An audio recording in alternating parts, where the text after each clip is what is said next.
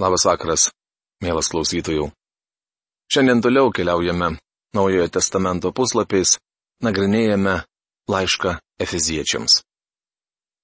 Šiandien pradedame antrojo skyriaus apžvalgą. Prieš pradėdami, palenkime savo galvas.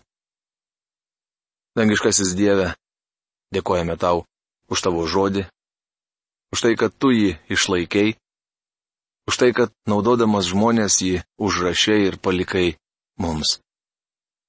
Ačiū tau dangaus Dieve, kad mes galime žinoti, jog ne mes patys suradome tave, bet tu mus suradai klaidžiuojančius šio pasaulio tamsybėse, Dieve. Dėkojame tau, kad tu atėjai į kiekvieno žmogaus širdį, kuris pripažino savo neįgalumą įsigelbėti. Pietėsi tavęs tavo sunaus Jėzaus Kristaus vardu. Aš prašau dangaus Dievę, kad kiekvienas girdintis šias radio laidas, tavo žodžio nagrinėjimą, galėtų ateiti į tavęs pažinimą. Meldžiu, kad šios dienos rašto apžvalga galėtų nuimti nuo mūsų akių šydą, kuris temdo mūsų santykius. Prašau tavęs, viešpatė, kad tu veiktum dabar kiekvieno klausančio širdyje kad mes nebūtume vien tik tai žodžio klausytojai, bet tavo žodžio vykdytojai.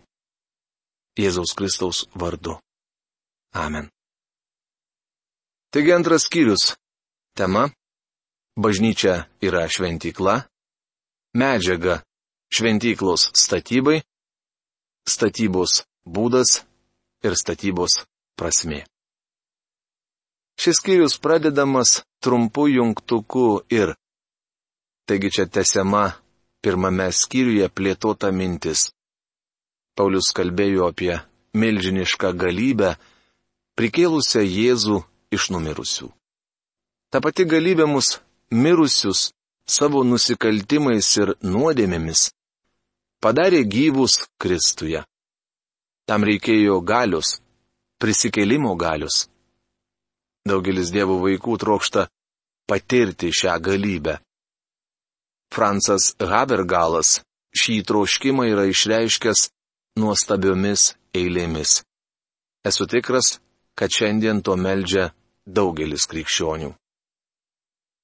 Leisk pažint prisikelimo tavo jėgą, leisk matyt ramybės kelio aiškę šviesą, leisk dalint kaip duodi tu, visiems ir dosniai, leisk atsigaivint iš tavo neišsenkančios versmės upokšnių.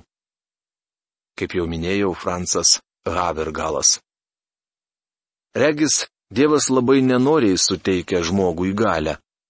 Manau, nesunku suprasti, kodėl. Ilgus šimtmečius Dievas neleido žmogui atrasti atominės energijos. Vėliau žmogus ją atrado ir šis atradimas pakeitė pasaulį. Kas atsitiko? Ar atradus atominę energiją gyvenimas šiame pasaulyje pagerėjo? Kaip žinote, nuo to laiko gyventi Žemėje tapo pavojinga, nes žmogus įgyjo galę sunaikinti pasaulį. Jei manome, kad jokia valstybė nedrys panaudoti atominio ginklo, mes panašus į strutį, įkišusi galvą į smėlį. Šiandien valdžioje yra žmonių, kurie panaudotų atominį ginklą rytoj, o gal net šį vakarą, jei žinotų, kad jiems pavyks išvengti atsakomybės už savo veiksmus. Kai žmogus įgyja fizinę galę, jis tampa pavojingas. Manau, todėl Dievas nenori jam ją suteikę. Tačiau laiške feziečiams kalbama apie galę, kurią Dievas pasirengęs naudoti kiekvieno į Jėzų Kristų atsigręžusio žmogaus gyvenime. Jis pakelia žmogų iš dvasinės mirties į dvasinį gyvenimą. Šiandien viešpats Jėzus apreiškia save pasauliui per savo bažnyčią. Daugeliu aspektų bažnyčia kaip šventykla, panaši į Senojo testamento laikų šventyklą, kurios prototipas buvo padangti. bažnyčios ir ano meto šventyklos panašumai akivaizdus. Pavyzdžiui, padangtė ir šventykla buvo padarytos iš žalių akacijos medžio lentų, sukabintų su lietais stovais. Panašiai vyksta formuojant bažnyčią. Dievas ima negyvą medžiagą ir iš jos padaro gyvą šventyklą. Ir šventykla ir padangtė buvo Dievo šlovės buveinė. Bažnyčia yra šventosios dvasios buveinė. Tačiau tarp bažnyčios ir ano meto šventyklos esama ir esminių skirtumų. Padangtėje ir šventykloje buvo atliekami ritualai ir nuolat atnašaujamos aukos už nuodėmę. Bažnyčios pagrindą sudaro vienintelė Kristaus auka, atnašauta už mus praeitie. Ir įžengė ne tam, kad pakartotinai atnašautų save kaip daro vyriausiasis kunigas, kuris kasmet įeina į šventąją vietą su svetimu krauju. Tuomet Kristui būtų reikėję daugelį kartų kentėti nuo pasaulio sutvėrimo. Bet dabar jis vieną kartą visiems laikams pasirodė amžių pabaigoje, kad save aukodamas sunaikintų nuodėme. Rašo Hebrajams laiško autorius 9 skyriaus 25-26 eilutėse. Bažnyčioje ritualai netliekami. Tai funkcinis organizmas, kurį šventoji dvasia stato iš gyvųjų akmenų. Leiskite pabrėžti, kad Dievas nenustatė bažnyčiai ritualų, kokie buvo atliekami šventykloje. Kai kurie žmonės galvoja, kad dalyvavo bažnyčios tarnavime, jei susirinkimo pradžioje sugėdojo Dievą šlovinančią giesmę, sukalbėjo maldą pasiklausė kelių solinių giesmių ir išklausė šventojų raštų aiškinimą. Tačiau daugeliui tai paprasčiausias ritualas. O bažnyčia nėra ritualinių apieigų puoselėtoje. Kas nors galbūt paklaus, ar mums nereikia to daryti? Noriu pasakyti tik tiek, kad nuolatinis žodžių kartojimas daugeliu yra tapęs beprasmiu ritualu. Visą tai turi būti prasminga. Žinoma, nėra blogai gėdoti ir melstis, jei tai daroma įsigilinant į žodžius. Bažnyčioje neturėtų būti praktikuojami tie ritualai, kurie būdavo atliekami šventykloje, nes ji yra nerankų darbo šventykla.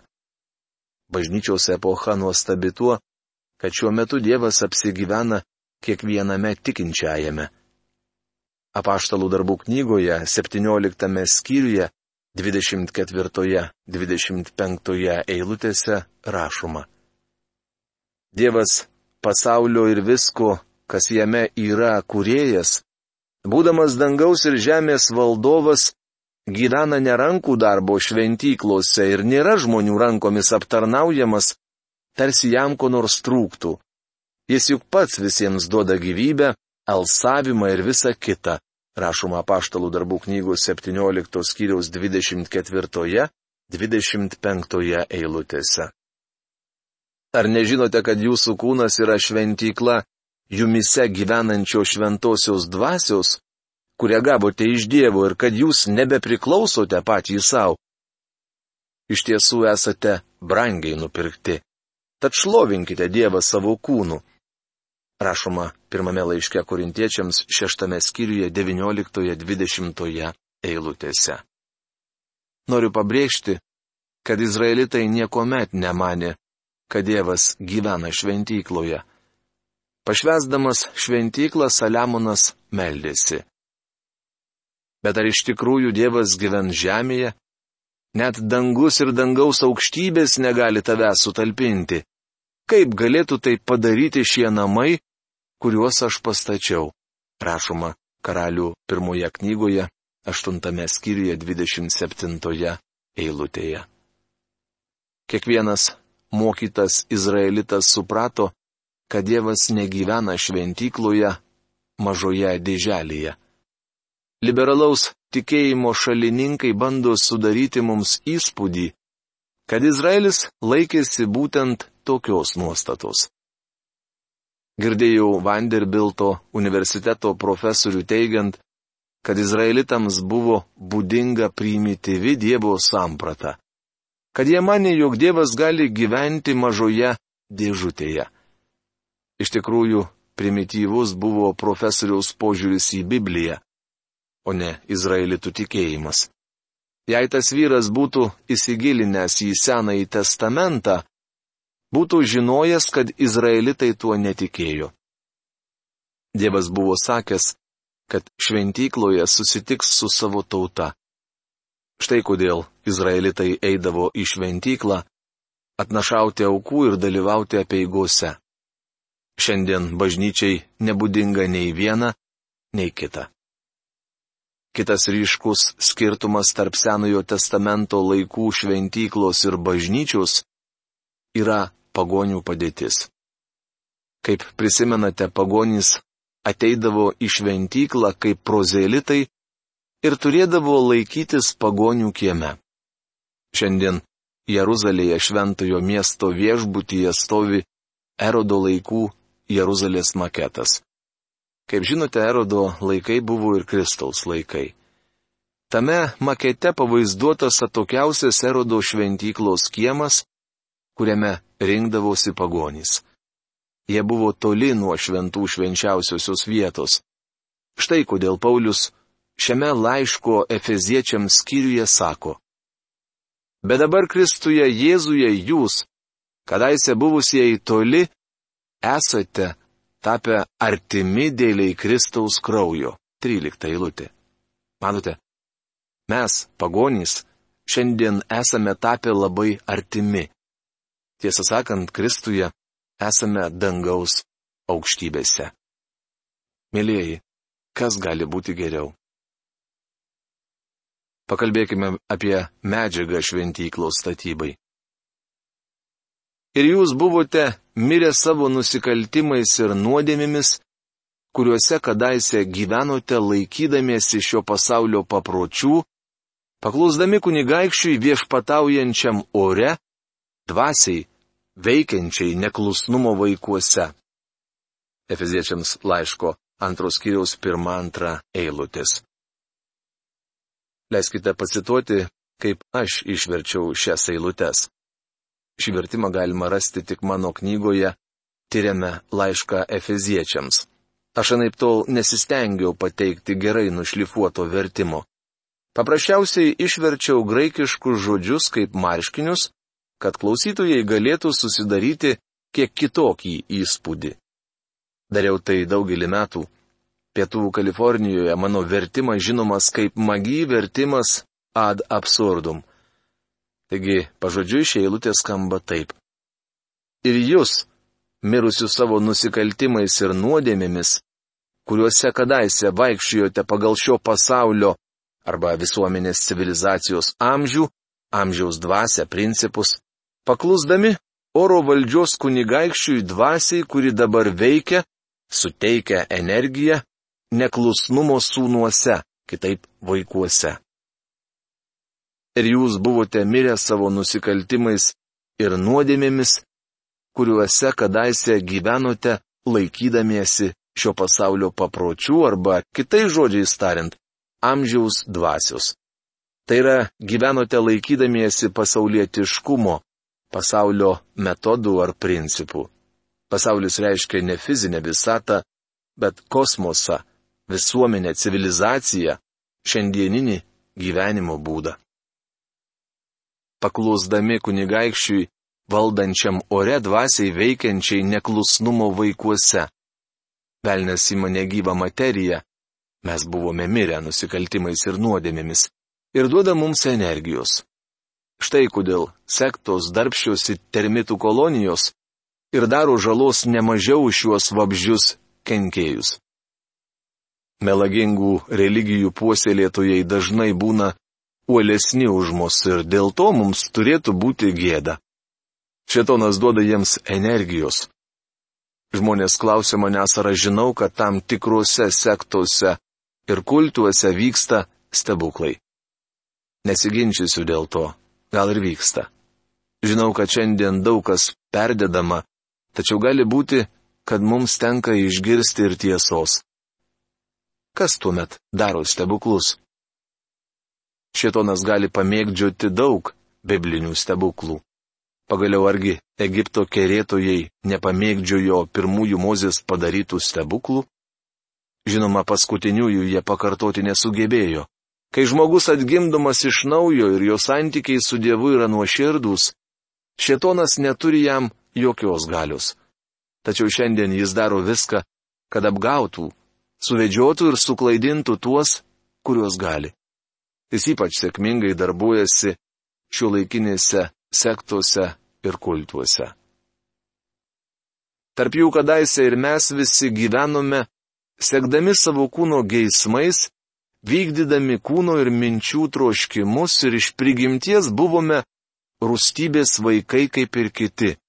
Efeziečiams laiško antros kiriaus trečia eilutė. Norint geriau suprasti pastraipą nuo pirmos iki septintos eilutės, Mums vertėtų žinoti, kad graikų kalboje tai yra vienas labai sudėtingas sakinys, sudarytas iš prasmės ir intonacijos atžvilgių kylančių ir krintančių dalių. Klasikinėje graikų kalboje gausu tokių sakinių. Dažnai vartojamas absoliutusis kilmininkas, sudėtingos frazės ir laikai.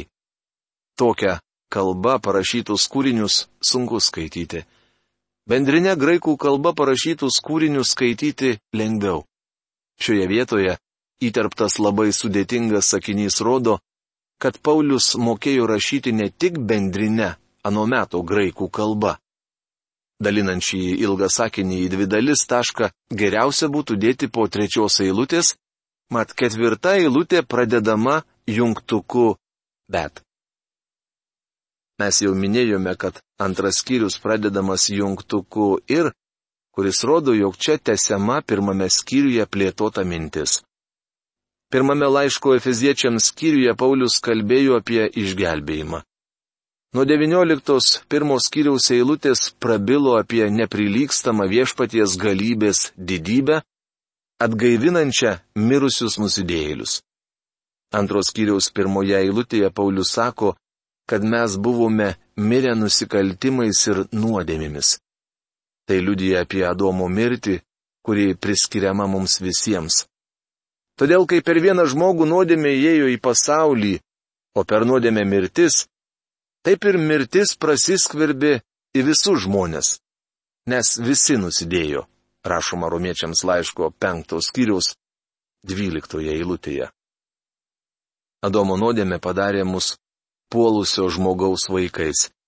Kiekvienas iš mūsų esame paveldėję Sadomo prigimtį. Tai puolusi prigimtis, kurios valdoma žmogus nenori ir negali ieškoti Dievo. Prisiminę savo atsivertimą galiu pasakyti, jog tai buvo tikras stebuklas. Kaip Dievas galėjo išgelbėti berniuką, kuris augo tokioje aplinkoje kaip aš? Mano tėvas laikėsi aukštų moralės principų ir garsėjo sažiningumu, tačiau nebuvo krikščionis, greičiau bažnyčios priešininkas. Pats jis niekuomet neperžengdavo bažnyčios lenkščio, tačiau mane, kai dar buvau berniukas, vertė lankyti sekmadieninę mokyklą. Aš visada tam priešinausi. Kai tėtis mirė, man buvo 14 metų. Tuomet aš pradėjau blaškytis po pasaulį. Bėgdamas nuo bet kokios valdžios, atsidūriau Detroite, Mičigano valstijoje. Dirbau Fort Motor kompanijoje, taip pat krapščiausi prie kadilakų. Tuomet įklimpau į nuodėmę. Susidėjau su vienu vengru, kuriam aš, jo patie žodžiai tariant, priminiau mirusį sūnų. Jis priglaudė mane po savo sparnu, tačiau būdamas nuodėmingas žmogus jis vesdavosi mane į tokias vietas, kur šešiolikmečiui berniukui nederėtų lankytis ėmiau ilgėtis namų ir nusprendžiau grįžti. Dabar suprantu, jog tai Dievas įskiepijo man namų ilgesį. Jei nebūčiau grįžęs namo, velnės būtų padaręs mane savo bendru. Buvau miręs Dievui ir viskam, kas su juo susiję. Tuomet vienas vyras pasakė man, jog aš galiu turėti ramybę su Dievu per Jėzų Kristų. Kaip tai buvo nuostabu. Sakau jums, tai stebuklas. Aš neieškojau Dievo. Bėgau nuo jo kiek įkabindamas, nes buvau miręs savo nusižengimais ir nuodėmėmis. Adomo dvasinė mirtis ištiko tą dieną, kai jis netikėjimu nepakluso Dievui. Jis bėgo nuo Dievo ir mėgino pasislėpti. Adomas neieškojo Dievo. Šiandien taip elgesi kiekvienas jūslinis žmogus. Griniausias melas yra prielaida, kad žmogaus viduje slypi dieviškumo kibirkštėlė ir todėl jis savaime ieško Dievo. Adomas mirė Dievui ir dieviškiesiems dalykams tą pačią dieną, kai jam nepakluso. Fizinė mirtis jį ištiko tik praėjus 900 metų nuo to laiko, kai valgė uždrausto vaisiaus. Jis nebesilgėjo Dievo, netroško būti arti jo. Adomas buvo atskirtas nuo Dievo, nes bet kokia mirtis yra atskirimas.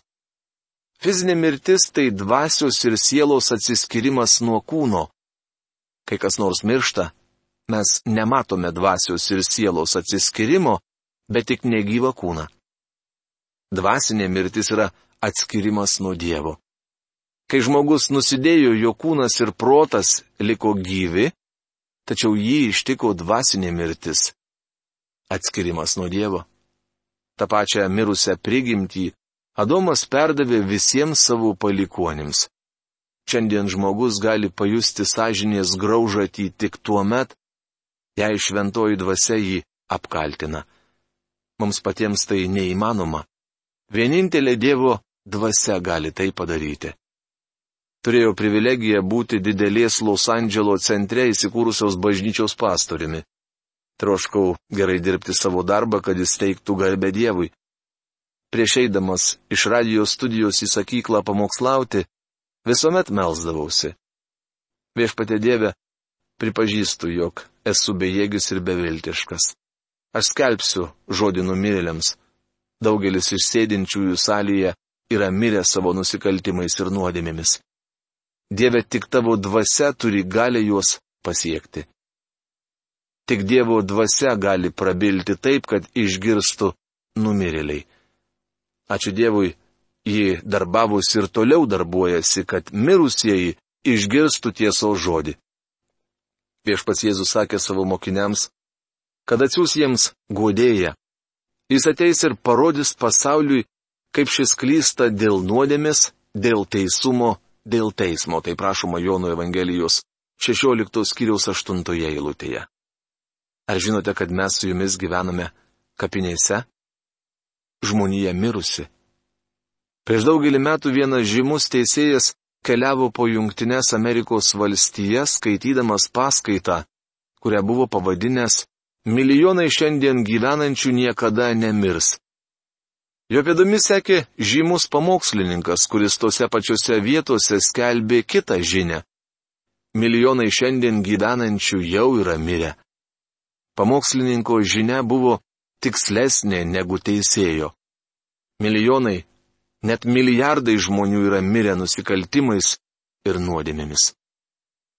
Sykiai senyvo amžiaus airio kažkas paklausė, kaip jis apibūdintų kapinės. Senukas atsakė, kapinės yra vieta, kur gyvena numirėliai. Tai puikus šiandieninio pasaulio apibūdinimas. Mielas klausytojau, o kas yra su jūsų siela? Ar jūs esate mirę savo nusikaltimais ir ar pripažįstate tai? Jeigu dar to nesate padarę, tai dabar Tie, kas girdite šitą laidą, galite suklūpti savo kambariuose ir išpažinti savo nuodėmę didingam ir šlovingam Dievui, kuris mato mūsų širdis, kuris kiekvieną iš mūsų pažįsta vardu. Nusižeminkite po galingą Dievo ranką, kad atejus metui galėtumėte būti išaukštinti, per amžiais pasilikdami jo draugystėje. Noriu jūs palikti su šiais žodžiais Mąstykite apie tai. Niekada nepasitenkinkite esame padėtimi. Atsigręžkite į viešpati Jėzų, į jo žodį. Nes neįmanoma tikėti, jeigu jūs neatsiverčiate šventojo žodžio, jeigu neklausote to žodžio pamokslavimo, jeigu nesuprantate jo reikalavimo jums. Įsiklausykite į tylų dvasios balsą. Atverkite savo širdis. Iki greito sustikimo. Sudė.